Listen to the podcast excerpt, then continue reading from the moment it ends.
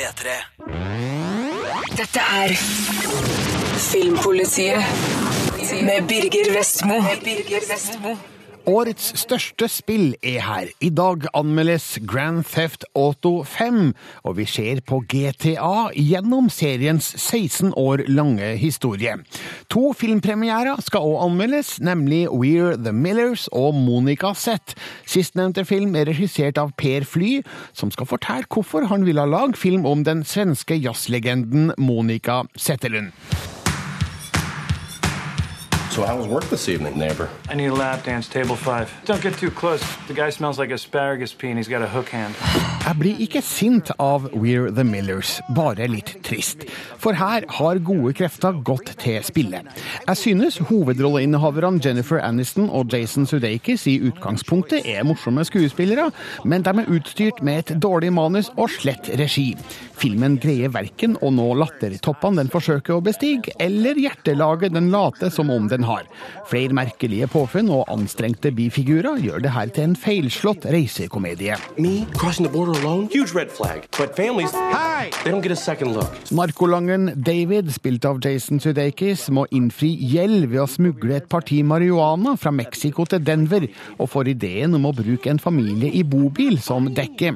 Han får med seg nabodama Rose, spilt av Jennifer Aniston, en stripper som trenger penger, nabogutten Kenny, spilt av Will Polter, som trenger foresatte, og gatejenta Casey, spilt av Emma Roberts, som trenger tak over hodet. Men smuglerforsøket skal sjølsagt ikke gå helt etter planen. You have a lovely family. Thank you very much. We're the Millers. Honey! Eat a dick. Sorry. Hva som skjer videre er liten vits i å avsløre her, men de møter flere figurer underveis. Noen av dem uinteressante, andre blir grusomt overspilt og overtydelige. De havner i dumme situasjoner som kanskje kan ha virka morsomme på papiret, men som bare er teite foran kamera. F.eks. når de gjemmer en pakke dop i et teppe, og noen tror det er en baby, og så later de som om det er en baby den neste timen. Det er for dumt. You have a baby! Oh, I love babies! Jennifer Aniston er kanskje en smakssak, men jeg har fremdeles gode minner fra Friends. Det sier imidlertid sitt når hennes aller morsomste øyeblikk i denne filmen er et planlagt Friends-relatert tabbeklipp før rulleteksten.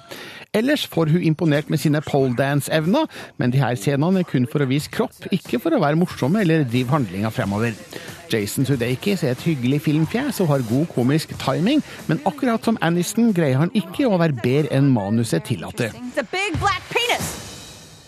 It's a. Skateboard. Skateboard, great. Of course it is. The big black skateboard. Jeg ser hva regissør Rawson Marshall Thurber forsøker å gjøre med We're The Millers, nemlig å skape en roadtrip-film med et bankende hjerte bak rå humor.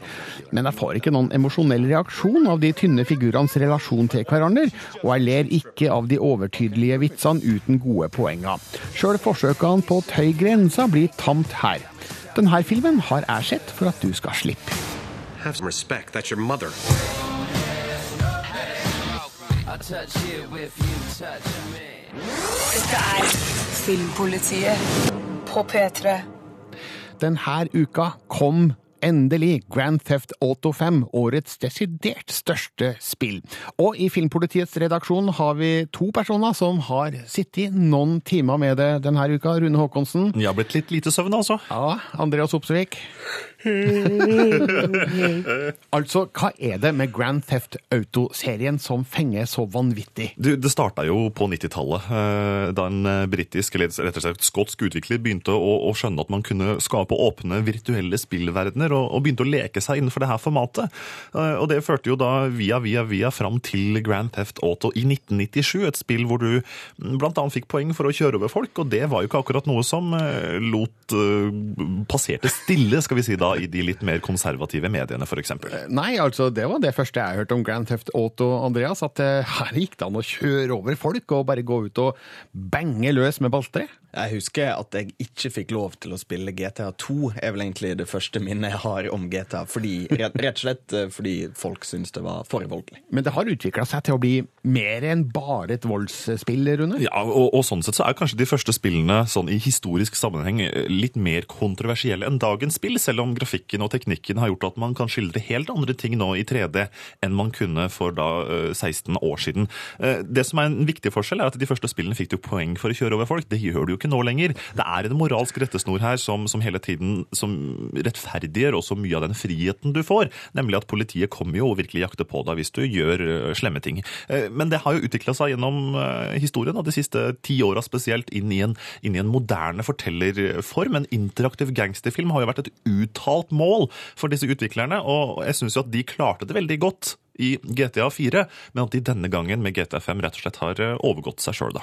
For nå har eh, serien mer og mer blitt inspirert av eh, store gangsterfilmer og gangsterserier, Andreas? Ja, Det er jo flere paralleller her til både Sopranos og Breaking Bad, som Rune kom til å komme inn på i anmeldelsen sin. Eh, Og jeg tror nok at de har tatt mye inspirasjon, og det har de jo alltid gjort, fra nettopp det som er popkulturelt stort. Og, og jeg ser jo på en måte at dette spillet også er en slags eh, foreløpig eh, et symbol på hvor langt spillet har kommet som et kulturuttrykk. Ehm, For det her, altså Spillserien sto jo også i sentrum for mange av de såkalte kulturkrigene i USA på 80- og 90-tallet, og spesielt 90-tallet, hvor eh, konservative krefter, ledet an av bl.a. skuespilleren Charlton Heston, gikk ut og, og argumenterte for hvor eh, dårlig innflytelse dette hadde på eh, befolkningen, og spesielt barn og unge. I dag så er denne debatten nesten helt borte, og man, man, man behandler det på en helt annen måte. Og det jeg tror nok at eh, Sånn I ettertid så vil GTA 5 være det første spillet i GTA-serien som, som blir sluppet ut på markedet uten de store kontroversene. For vi må huske at GTA 4 ble fjernet fra eh, norske ekspertbutikker i 2008, men GTA 5 vil være det første spillet som da på en måte treffer markedet, som møter publikum som et eh, også, skal vi si, et ordentlig eh, kunstnerisk uttrykk, rett og slett. Ja, Så nå er Grand Theft Auto rett og slett anerkjent som et, eh, et kunstnerisk eh, uttrykk? Ja, blant hvert fall de aller største delene av befolkningen. Vi må huske at flere av de som er også blitt foreldre i dag, de, de har også vokst opp med spill. Det er et generasjonsskifte som har kommet nå den siste tida. Og jeg tror nok eh, at de kanskje litt eldre foreldrene vil rynke godt på nesa hvis poden sitter og spiller GTA 5. Jeg må jo minne om at det har 18-årsgrense for en grunn, altså. Men, men jeg tror nok at det er en helt annen posisjon nå. Men uh, tror du folk hadde rynka like mye på nesen over de som sitter og ser på Breaking Bad? Det er nettopp det, da. At her er det nok en, rett og slett en normaliseringsprosess som er i gang. da, og Jeg tror nok at vi har kommet veldig langt i 2013, men eh, det er fortsatt et par stigetrinn til for spill og klatre før de er helt på topp. Og nå, mine damer og herrer, her er anmeldelsen av årets desidert største spill, Grand Theft Auto 5. What do you want, Michael? I don't know. I want something that isn't this. I 2008, i spillet GTA 4, fortalte Rockstar Games historien om Nico Bellic, en fattig immigrant som reiste til storbyen Liberty City og endte på toppen av en kriminell underverden. Det spillet kalte jeg både brutalt og genialt. Fem år senere har utviklerne i spillstudioet, ledet an av brødrene Sam og Dan Houser, overgått seg selv. Ikke bare fordi GTA 5 er en teknisk maktdemonstrasjon, eller fordi spillet er en av tidenes dyreste, men fordi spillet utforsker den moderne antihelten på en måte som overgår Breaking Bad og The Sopranos. Spillmediets egenart skyver opplevelsen inn i nytt terreng, for det er du i rollen som narkogalingen Trevor, den tidvis sympatiske afroamerikanske torpedoen Franklin og den dysfunksjonelle ekskriminelle Michael som utfører både avskyelige handlinger og daglige gjøremål. Den friheten utgjør et moralsk dilemma man som spiller, altså den som trekker i trådene, må ta stilling til. This. Grand Theft Auto 5 sin lek med et tredelt narrativ, en fortelling med tre hovedpersoner hvis liv overlapper hverandre, skildrer livet i storbyen Los Santos på en måte som vil etterlate dønninger i spillhistorien.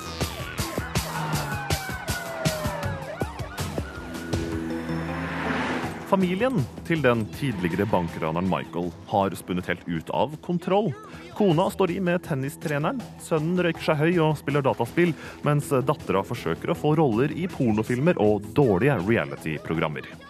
Trevor, en brutal doplanger, oppdager at sin tidligere kompanjong og bestevenn ikke er død, slik han trodde. Michael har nemlig tilbrakt de siste ti årene i et vitnebeskyttelsesprogram. Mens den småkriminelle Franklin, som bor hjemme hos sin New Age-frelste tante, driver med lett torpedovirksomhet overfor kunder med altfor dyre biler. Tre ulike personer med tre ulike liv, som alle møtes for å sette sitt preg på storbyen, en Los Angeles-parodi.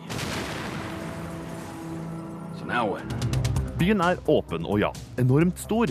Og selve verdenen du har frihet til å utforske, strekker seg fra fjelltopper til sentrumsområder med skyskrapere. Det er en spesiell følelse å skue utover Los Santos. En følelse som kan sammenlignes med å skue utover originalen fra Griffith Observatory i åsene over Hollywood. Byen lever. Jeg tror på det Rockstar Games har skapt. Og jeg lar meg både fascinere og bli støtt av menneskene jeg møter. You tell me exactly what you want, and I will very carefully explain to you why it cannot be. What? Den store variasjonen understrekes bare av at du også kan dykke under havoverflaten og utforske kystlinjen nedenfra. En nesten unødvendig mulighet. Men det er noe jeg tror har blitt lagt til i Grand Theft Auto 5 for å understreke spillseriens dominans. How have you been? Oh, simply wonderful. And you? Somewhere stuck between joyful and peachy. Med et budsjett på over 200 millioner dollar er det ingen andre som kan måle seg med hva dette spillet har å by på. Kjøretøy, alt fra sykler til biler til fly, tar deg høyt og lavt mens radiostasjoner pumper ut ironiske radiopratere og nøye utvalgt musikk. Men alt dette er kun innrammingen til Grand Theft Auto 5s virkelige tyngdepunkt. Det første skuddet i spillet går rett i hodeskallen til en vaktmann i banken du raner. Etter hvert som spillets fortelling skrider fram, blir jeg stilt overfor en rekke ubehagelige episoder, hvor jeg ikke kan velge vekk massedrap som handlingsvei. Det er ubehagelig å være med på å være vitne til.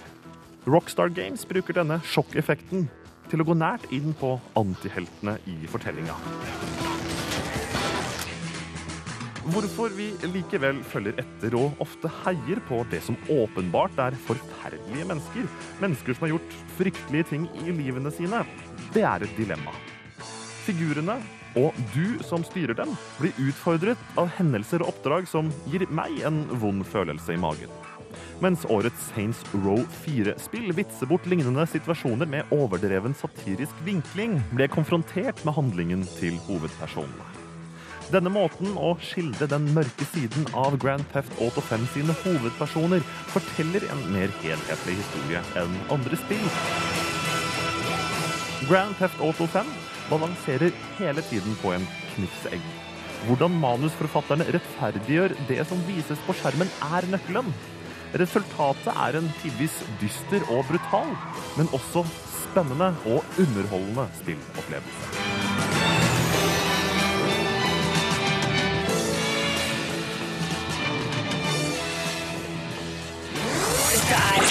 Filmpolitiet på P3. I sted hørte du Rune Haakonsens omstendelige anmeldelse av Grand Theft Auto 5. Den var lang, vet du. Ja, du, du må ha mer enn et par setninger når det gjelder Grand Theft Auto 5. Ja, og det fortjener spillet. Det, er, det var jo en soleklar terningkast seks, for å si det på den måten for meg. Og det er fordi at spillet ikke bare er en rent teknisk maktdemonstrasjon, som jeg nevner, men, men at det er også historien og måten det fortelles på som er viktig. Du, du, du nevner i anmeldelsen at du får vondt i magen, og du blir stilt overfor en del moralske dilemmaer og sånt. Er det ikke bare kult da, å gå rundt og være skurk? Og jo, og Det er så viktig å understreke det også, at det er jo et helt aspekt med dette spillet som er så omfangsrik. Er nettopp, omfangsrik, Det er nettopp det du kan gjøre, og, og, og, hvor mye arbeid som er lagt inn i selve spillverdenen. sånn at Det er jo et helt hav av ting og muligheter å gjøre som, som, som gjør at også spillverden føles veldig levende og, og genuin ut. da. Mm. Og, det, det, liker jeg. Selv om det samtidig også da er veldig karikert med utrolig store doser med, med, med humor. Andreas Opsvik, du har jo også spilt spilt GTA 5 nå flere dager i strekk. Jeg ser jo da av anmeldelsen på nett at her kan du hoppe i fallskjerm, du kan spille golf, du kan dykke, du kan gjøre veldig mye rart. Men tar ikke det fokus vekk fra liksom historien i, i, i spillet? Altså, Vi spiller da med, med da tre hovedpersoner som er i såpass ulike miljø, så føles det veldig naturlig når en da kan gå inn i det her miljøet og gjøre alt mulig ulikt forskjellig. En, en har jo da nettopp eh, Pimp Your Ride-greiene fra San Andreas og på en måte det uh, gangster-urbane miljøet, kall det hva du vil, uh, som det spillet hadde, og en har det her backwater eh, eh, morsomhetene med å ta bilen sin og kjøre ut i ørkenen og, og ha sånn billøp.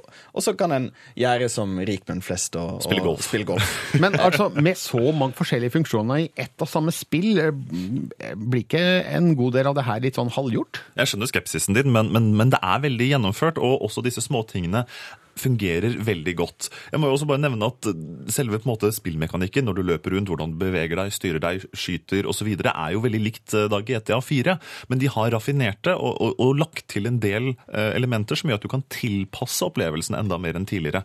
Eh, Jeg syns det ikke tar fokus vekk, fordi det nettopp også er et åpent spill med en veldig mm, skal vi si, fri måte å utforske verdenen på. Og jeg har jo for eksempel forelska meg litt i den der aksjemeglerbørsen som de har i spillet. Så jeg sitter jo sånn hver eh, dag, hver morgen det popper opp, eh, så, så tar jeg og sjekker liksom hvordan det går med aksjene mine.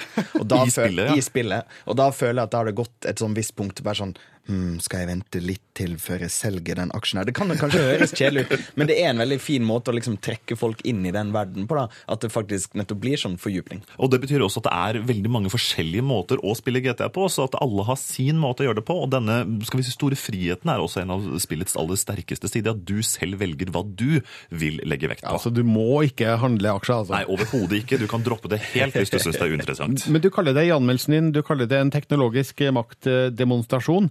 Men da har jeg et stort, stort, stort spørsmål, og det er hvorfor lanseres GTA 5 nå, ca. ett sekund før de nye konsollene lanseres, altså Xbox One og PlayStation 4? Ja, og det, det, det har kommet mange mange spørsmål inn på nettsidene våre også, i kommentarfeltet på anmeldelsen. Når kommer dette til PlayStation 4? Vil det komme i det hele tatt? Men det vet vi faktisk ingenting om ennå. Og, og det kan høres litt sånn rett og slett motintuitivt at, at det ikke er klart at det skal komme til neste generasjons konsoller. Men jeg har et godt svar på det, og det er fordi at når man da lanserer en ny konsoll, så er det ikke så mange som kjøper det. Når du går på slutten av livssyklusen til da PlayStation 3 og Xbox 360, så er dette konsoller som er spredd så mye over hele verden at de vil selge mange flere eksemplarer ved å lansere det til disse gamle konsollene. Jeg har en eh, teori det er at nå kjøper alle GTA5 for PS3 eller Xbox 360, og så lanseres mye bedre versjoner av spillet rett over nyttår. Og så må vi kjøpe det på nytt igjen. I så fall så kommer jeg til å kjøpe det på nytt. altså Det, det er det faktisk verdt. Ja, jeg er helt enig. Rune Håkonsen, Andreas Hatzel Opsvik, tusen takk. Anmeldelsen av Grand Theft Auto 5 den finner du på p3.no Skråstrek filmpolitiet. P3. P3. Höjde. Ett ögonblick. Skulle inte du bli stjärna i Amerika? Den svenske jazzlegenden Monica Zetterlund portretteres av ingen ringere enn regissør Per Fly, kjent for 'Benken', 'Arven' og 'Drapet'. Monica Zett er en sterk og vakker film med nydelig musikk, flott tidskoloritt og gode skuespillertolkninger, spesielt av imponerende Edda Magnasson i en utfordrende hovedrolle. Min kjennskap til Settelund er begrensa, men Magnasson makter å gestalte en helhetlig og troverdig person med et enormt talent, men òg høyst menneskelige lyter. Som alltid når en persons liv skal presses inn i en under to timer lang film, må det gjøres kompromisser. Filmen starter da òg med en tekst som sier at den er fritt basert på Settelunds liv. Flere personer, hendelser og detaljer er endra, fjerna eller forsterka. Petter Birros manus inneholder mange elementer fra hennes liv og karriere, men det føles likevel ikke som en ren oppramsing av kronologien. Filmen har en gjennomgående tematikk om drømmer, kjærlighet og bekreftelse, som gir sterk emosjonell resonans. Vad är det, Monica? Pappa har ikke kommet. Du jobber for mye. du drikker for mycket. Jeg ser at hun ikke mår bra. Historien starter tidlig på 1960-tallet, når Settelund jobber på en telefonsentral på hjemstedet Hagfors. Hun er skilt, har en datter og bor hjem hos foreldrene sine. Men hun vil ut i verden, og sangtalentet hennes gir hun en karriere på svenske scener. Hun har imidlertid problemer med å sjonglere denne karrieren med morsrollen, samtidig som forholdet til menn er betent. Faren støtter ikke hennes sangdrømmer, og kjærlighetslivet er vanskelig. Jeg har fått precis alt det som jeg har drømt om. Og så finnes det folk som tror at det ikke kostar noe. Som tror at det er gratis. De som kjenner Settelunds musikk og karriere, vil sette pris på filmatiseringa av hennes høydepunkter og nedturer, levende skildra med høy energi. Det svenske kulturmiljøet på 1960-tallet er òg morsomt levendegjort, med figurer som Hasse og Tage, Povel Ramel, Vilgot Sjømann og Beppe Wolgers. Det hjelper òg at skuespiller Edda Magnasson sjøl er en ypperlig artist som synger Settelund like bra som hun sjøl. Men også de som ikke er spesielt opptatt av musikken, må kunne la seg røre av Settelunds kamp for kjærlighets- og familielivet. Spesielt det anstrengte forholdet til pappa Bengt gir noen sterke, fine scener i filmen. Kjell Bergquist gjør en fantastisk birolle. Monica Zett er en biografisk film av høy kvalitet og et verdig portrett av den svenske legenden. Filmen velger å avslutte på et lykkelig punkt i Settelunds liv. Vi blir ikke med til hennes siste år som invalid og den tragiske brannen som tok hennes liv i 2005. Men filmen er et kjærlig dokument over hennes kulturelle betydning og hennes evne til å reise etter personlig og profesjonell motgang. Kanskje kan vi få overtalt Per Fly til å lage filmen om Nora Brogstedt? Name is Monica Zetterlund. Dette er Filmpolitiet på P3. Så har Filmpolitiet besøk av Per Fly, regissøren av Monica Z. Velkommen, Per. Takk skal du ha. Jeg må spørre først, Hvilket forhold har du hatt til Monica Zetterlund før du begynte å jobbe med denne filmen? Jeg kendte først og fremmest den, det album hun gjorde med Bill Evans øh, tilbake på 60-tallet, øh, som jeg har elsket i mange år. Og så visste jeg litt om henne. Jeg visste hun var snygg, og jeg visste hun var øh, Jeg visste hun døde i en brann i en legenhet. Øh, og det var sånn sett det jeg visste om henne. Men hvorfor ville du da lage en hel film om Monica Zetterlund? Hvor, hvor kom dette ønsket fra? Ønsket var først og fremmest også øh, med musikken. Altså hele den periode som musikken stammer fra, eller hvor hun var på sitt høyeste. Sånn fra slut, slutningen av 50'erne opp i, til 60'erne. Det er den periode innenfor jazz som jeg selv har vært aller, aller mest glad for. Og jeg har selv forsøkt å bli jazzmusiker, men hadde ikke evnene. Og derfor var det fantastisk å få lov til å arbeide med den periode. Men filmen starter jo med en eh, tekst som sier at den er fritt basert på Settelunds liv. Hva betyr det? Ja, Det betyr at vi f.eks. Peter Biro, som skrev manuskriptet, som har skrevet manuskriptet, og jeg, vi tok en beslutning om f.eks. at vi måtte bruke av episoder fra hele Monicas liv. Men vi, men vi gjorde som om de utspant seg over ett til to år i starten på, av 60'erne. Og det er klart at vi har tatt et grep på det her materialet. Vi har tatt et grep på fortellingen. Uh, og så det vil si, det er ikke noen dokumentarisk film, det her. Det ikke, du kan ikke sette deg ned og si så skete det, så skete det, så skete det. Men det som vi har vunnet ved å gjøre det på denne måten, det syns jeg er at vi har vunnet muligheten for å fortelle om de, øh, om de øh, dæmoner og, og, og konflikter der var i Monica. Så vi har trukket hovedkarakteren frem. Du er jo ikke den første filmskaperen som forandrer en figurs, en virkelig persons liv til film. Men føler du et slags ansvar i forhold til Monica Settelunds ettermæle? Fins det ordet på dansk? Ettermæle? Ja, det eftermæle. Ja, men da er det jo ganske likt. Føler du et ansvar til hennes ettermæle når du, når du lager denne filmen? Ja, det, det, det, gør, det gør jeg. Altså, der er ingen tvivl om, at, at uh, grunnen til, at jeg overhovedet har kunnet lave denne filmen, er jo fordi, at jeg har en respekt og en kjærlighet til Monicas liv og myte og værk. Og uh, altså, hele slutningen på denne her film er gjort fra min side som et forsøk på å sette et andet billede på, hvordan Monica kom vekk fra denne verden, enn en, end tanken om, at hun brente opp i en leilighet. Ja, altså, eh, som du selv sier, hennes liv fikk jo ingen god utgang, men Du velger altså å avslutte filmen på et lykkelig sted. Eh, men, men hvorfor var, var, det viktig? Jamen, det er viktig fordi at, øh, for meg fordi at det, det, Monica er jo så stor en kunstner og har øh, lavet så stor en karriere at hun er blevet en del av mange menneskers liv. Og på den måten, selv om jeg aldri har møtt henne, så når jeg begynner å studere henne, så blir hun jo også en del av mitt liv. Og derfor er det viktig for meg at, at man husker på øh, det hun har gitt som jo hadde en høy pris for Monica.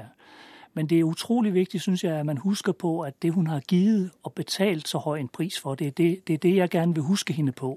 Og derfor løfter jeg henne opp til sist øh, på grunn av hennes verk og hennes mytologi.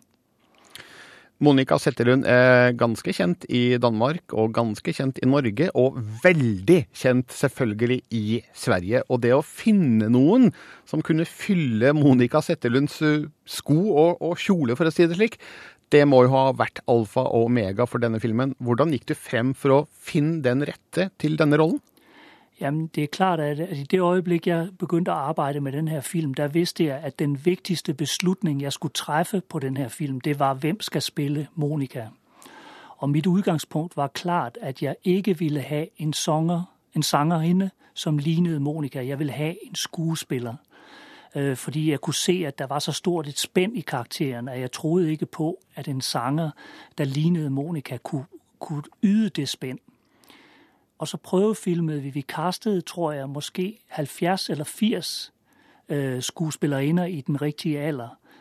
Og så dukkede den her øh, Edda op. Øh, jeg så først en film av henne, og så kastede jeg henne. Og så var hun så fantastisk. Altså hun har en fantastisk udstråling. Hun, øh, så det valget var sånn sett taget med det samme. Jeg, jeg kastede henne fordi hun, man kunne se at hun kunne fylle rollen ut. Og så arbeidet jeg med henne et halvt år for å lære henne teknikk og alt sånn noe. Ja, altså hun er jo ikke skuespiller fra før, hun er artist. Så eh, kan du si litt mer om hvordan jobba du med hun for å få denne prestasjonen ut av hun? Jamen altså, jeg har jo arbeidet utrolig meget med karakteren. Det vil si, vi har improviseret utrolig meget. Innen et halvt år før vi starter med å, med at skyde filmen, begynner vi å arbeide med å improvisere over karakteren og finne ut av hvordan hvordan er her karakteren. Og alle de andre skuespillere som er castet til filmen, altså venninnen og datteren og faren og alle de andre Sverige, der har jeg taget Monica eller Edda med inn øh, til de castings, så hun kom til å spille over for de her folk. Så på den måten har jeg lært henne hva det vil si å, spille skuespill. Jeg har også hatt henne med på en opptakelse av en av mine venner, så hun så hvordan det var å være på et sett. Så jeg har forsøkt å gi henne sånn et halvt års intensiv kursus i filmskuespilleri inden vi gikk i gang. Men også de vokale prestasjonene er selvfølgelig veldig viktig. Etter at jeg så filmen, så gikk jeg tilbake på mitt hotellrom, dette var under filmfestivalen i Haugesund, og, og satt selvfølgelig på Monica Settelund på Spotify. Og eh, vil si at Edda Magnasson er så å si like god vokalist som Monica Settelund var. Eh, hva syns du? Jamen, jeg, det, det er jeg så glad for, at du sier. Og det vigtige er jo, at også der, liksom i filmens forhold til virkeligheten, har vi lavet en tolkning. Når Edda synger Monikas sange, så synger hun ikke, forsøger ikke å ramme præcis Monikas tone, men hun tolker, det vil si vi lærer en lille smule av Edda Magnusson komme med inn i filmen også. Og sånn har vi det hele taget gjort i denne her film. Og det, derfor, derfor står hun så sterkt, Edda, og hun er jo bare en fantastisk sanger også. Ved siden av Monica Settelund så um, er det også flere andre kjente fra Sveriges kulturliv eh, på 1960-tallet med. Altså Hasse og Tage, Povel Ramel, Vilgot Sjømann, Beppe Wolgers. Eh, hvordan har du gått frem for å skildre dette kulturlivet fra den gangen? Jamen altså, hun har, jo, hun har jo haft berøring med de fleste av svensk kulturliv på det her tidspunkt, så det var jo et spørsmål om å velge dem hun hadde mest, haft mest berøring med. Og så var det også et ønske om å fortelle en historie om en pige som kommer fra arbeiderklassen, kommer fra et sted hvor man ikke har den intellektuelle ballast med, øh, og, og, så kommer inn i sånn intellektuelt kulturliv, en, en, overklasse. Så, så det, det, det, det, mødet var, var, en måte for Monica at, komme hen mot der hvor hun ville i livet. Og det er en, er en, det er en reise jeg også kan gjenkjenne for meg selv. Jeg kommer også fra arbeiderklassen. Min, min far og mor havde gået øh, i skole til syvende klasse og var ikke intellektuelle. Så hele rejsen ind i det intellektuelle miljø, det er et, jeg kender godt. Og jeg kender også godt den usikkerhed, man kan få af det, som når Monica siger i filmen, at hun er bange for, at der kommer noen og tar det hele fra en. Har du tatt med litt av din egen reise, for å si det slik, i Monicas reise i denne filmen? Det har jeg sikkert, ja. Øh, fordi det er, jo, det er jo det, der gør, at, at, jeg at, jeg, at jeg synes, at jeg var kompetent til at sige ja til at lave en film om Monica. Det var, at der var nogle, nogle ting, som mindede om min rejse i livet også. Dette er en litt annen type film enn de du er blitt kjent for her i Norge, i hvert fall. Altså, har den likevel noe til felles med benken, arven og drapet? Ja, det synes jeg jo, den har. Altså, jeg synes jo, den er jo ikke væsentlig forskellig i sin grundstruktur øh, fra arven, eksempel, fra et menneske, som kæmper øh, med et dilemma. Øh, Monica-filmen her er jo, en kvinde, som kjemper. Hun, hun har så fantastisk et drive hen mot hva det er, hun vil. Hun vil være en stjerne i livet, og hun kjemper for det. Men langsomt oppdager hun også, at det måske koster kontakten til den til den nære kærlighed i hendes familie, som hendes datter. Øh, og det dilemma, øh, det, det synes jeg er et interessant dilemma, og det er ikke langt fra arvens dilemma, synes jeg ikke. Men er du med på at Monica Sett kanskje er en litt bredere film enn dine tidligere filmer har vært? Det, det, det, det håper jeg. Altså, arven gikk riktig godt i Norge, så hvis Monica går enda bedre, så er det da kun godt. Hva tror du denne filmen kan gjøre med Monica Settelunds eh, popularitet nå? Altså, er hun på vei tilbake fra, skal vi kalle det glemselen nå? Ja, men det er jo ikke den følelse, man har i Sverige, at hun har vært glemt. Slett ikke. Men det er det måske i Norge og Danmark, og jeg, jeg vil i hvert fall anbefale alle at gå inn og høre den, det album, som hun lavede med Bill Evans i, i 63. Fordi det er et, et helt unikt album, hun laver med, med, med en Bill Evans på høydepunktet av sin karriere. Har du blitt en større Monica Settelund-fan nå enn før filmen, eller har du gått lei? Nei, jeg, har, jeg er blitt en større fan, og jeg har det sånn at øh, jeg bor jo i København, og, og, og, og derfor har jeg reist riktig mange ganger til Arlanda. Øh, og når jeg kommer gående i Arlanda, så henger der et fantastisk portræt af Monica, øh, når, man, når man ankommer, som er fra 60'erne, hvor hun var snygg og sexet og helt fantastisk. Og det, det, det, det portræt har jeg næsten fået et forhold til. Tusen takk, Per Fly. Takk for Monica Sett, og lykke til med den norske premieren. Takk skal du ha. Filmpolitiet på P3. Du trenger sikkert et TV-tips til i kveld, og på NRK3 klokka 21.25 går en film du absolutt bør få med deg hvis du ikke har sett den før, da. Eller kanskje du kan se den om igjen, for det er den verdt.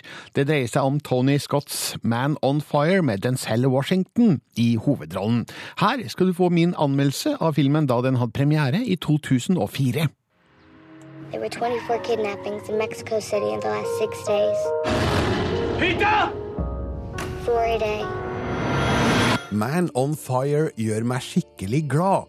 I en verden full av dritt er det deilig å se noen ta skikkelig hevn. Jeg ville selvsagt aldri gått til samme skritt sjøl, men det er en form for tilfredsstillelse å se andre knerte dem som fortjener å dø.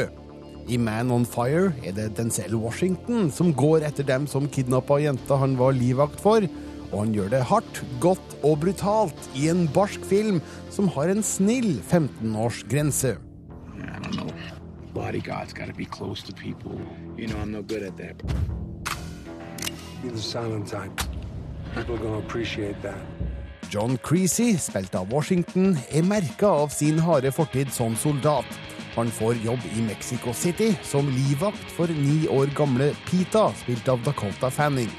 Gradvis smelter hun tøffingen, og de får et nært forhold. Når Pita kidnappes og løsepengebetalinga slår feil, setter Creasy ut på sin egen ferd for å være dommer og bøddel for alle som hadde noe med kidnappinga å gjøre. What are you gonna do? What are you gonna do? What I do best. I'm gonna go get her. Anyone who gets in my way, Anyone that was involved, anybody who profited from it, anybody who opens their eyes at me, I'm gonna kill them. Regissør Tony Scott har laga en hardbarka film som er vanskelig å se på. Da snakker jeg ikke først og fremst om voldsscenene, men om billeduttrykket han har valgt. Kamera virrer frem og tilbake og inn og ut av fokus gjennom nesten hele filmen. Det er nok ment som et grep for å formidle sinnstilstanden Creasy er i. Det fungerer godt, men det er tøft å takle det her i to timer og 27 minutter. Jeg følte meg litt halvsjuk da filmen var over. A man can be an artist in anything. Creasy's art is dead.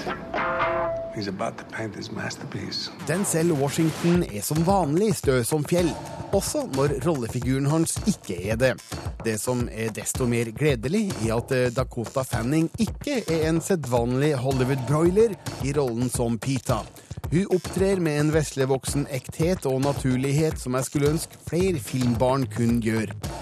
Resten av persongalleriet er godt, men det er et par figurer og noen sammenhenger som er lett å forstå lenge før de er ute i dagens lys. I don't want your money. I want proof of life.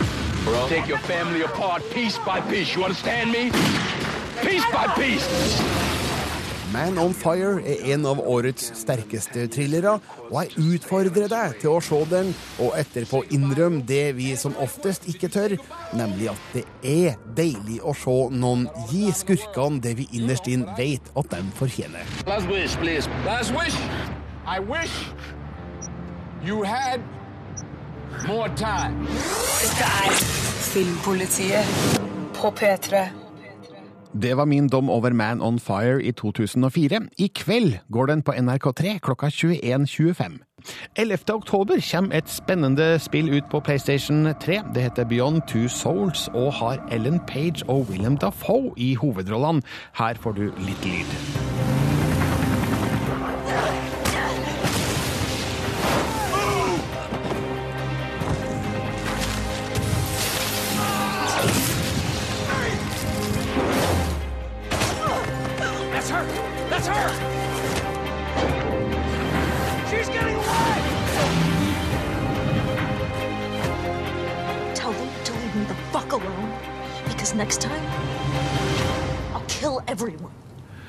Det her var altså lyd fra spillet Beyond Two Souls, som har release i oktober. Men Rune Håkonsen, hei. Hei på deg, du. Du har allerede testa det litt? Ja, det har jeg fått en liten tidlig utgave av spillet, og, og det er et spill jeg har sett veldig fram til. For det forrige spillet til nettopp samme mannen som står bak dette, David Cage, eh, Heavy Rain heter det, kom i 2010. Kårer jeg faktisk da til årets beste spill. Ja. Det legger jo noen føringer for forventningen jeg har til dette neste, skal vi si, mesterverket. Og nå velger jeg å bruke mine skal vi si, hermetegnfingre veldig kraftig, for eh, det jeg har fått testa så langt, er en liten sniktitt jeg har fått kikka på av Beyond Two Souls, holder dessverre ikke samme kvalitet som det forrige spillet, altså. Oi, det høres jo ikke bra ut, fordi eh, premisset høres så spennende ut. Eh, Det handler om, om livet etter døden. Rett og slett. Og det er da en ung jente, spilt av Ellen Page, som har noen paranormale og telekinetiske skal vi si, evner, som blir rekruttert av CIA for å være en spesialsoldat, men et sted langs veien går alt skikkelig gærent.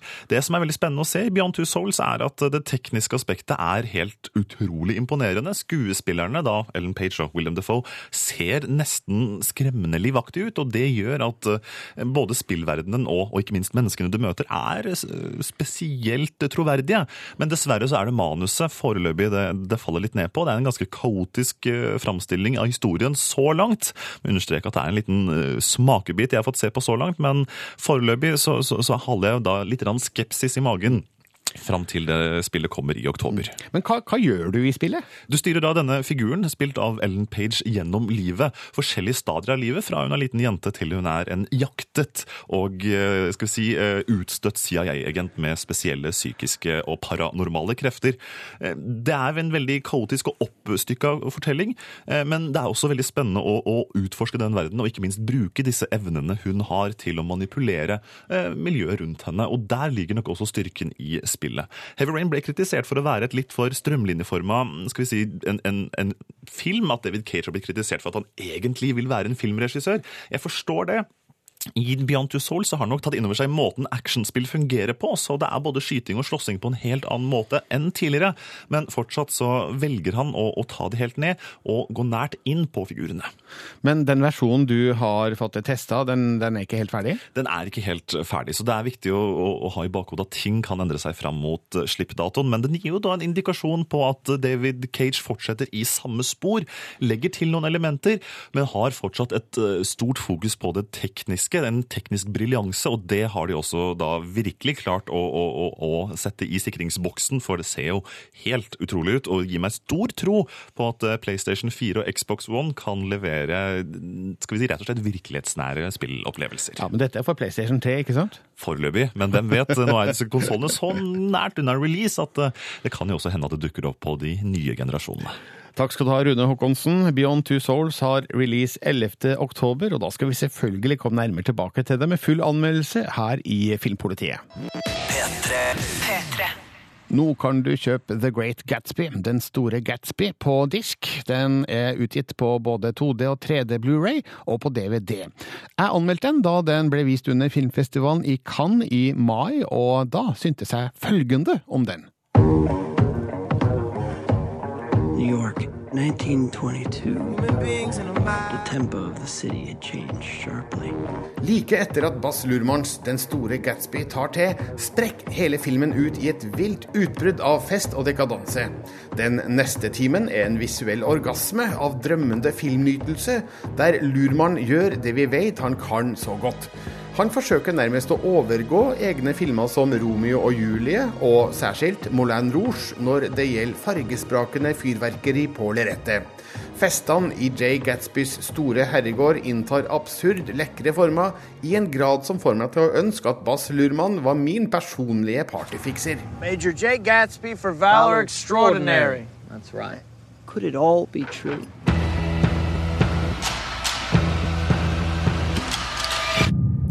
Men så tar festen slutt, og filmen dabber av. Alt som kommer etterpå, er nesten dømt til å bli et antiklimaks. Det er rett og slett ikke nok dramatikk i historiens siste del til at jeg greier å holde interessen ved like. Og filmen drar ut litt for lenge med sine 2 timer og 22 minutter, og gjør at jeg iblant kjenner kjedsomheten kom krypende. Men jeg syns likevel filmen var verdt å se, mest pga. Lurmans kunstferdige festivitas, der han åpenbarer sine største filmatiske ferdigheter. Can't you see who this guy is? With his house, his parties, his fancy clothes. Historien fortelles gjennom Nick Carraway, spilt av Toby Maguire, som flyttet til New York på starten av 1920-tallet med ambisjoner innen aksjemarkedet. Han bosatt seg i et lite hus ved siden av en enorm herregård på Long Island, der eieren, Mr. Gatsby, holder overdådige selskap for New Yorks dekadente sosietet med sine nye penger. Carraway blir invitert inn i denne karusellen, og motivet blir snart klart. Gatsby er betatt av Carraways kusine, Daisy Buchanan, som bor godt gift med gamle penger på den andre sida av vannet. I wish we could just run away. I've just heard the most shocking thing. You and me! It all makes sense. Leonardo DiCaprio viser også her hvorfor han er en av verdens største skuespillere.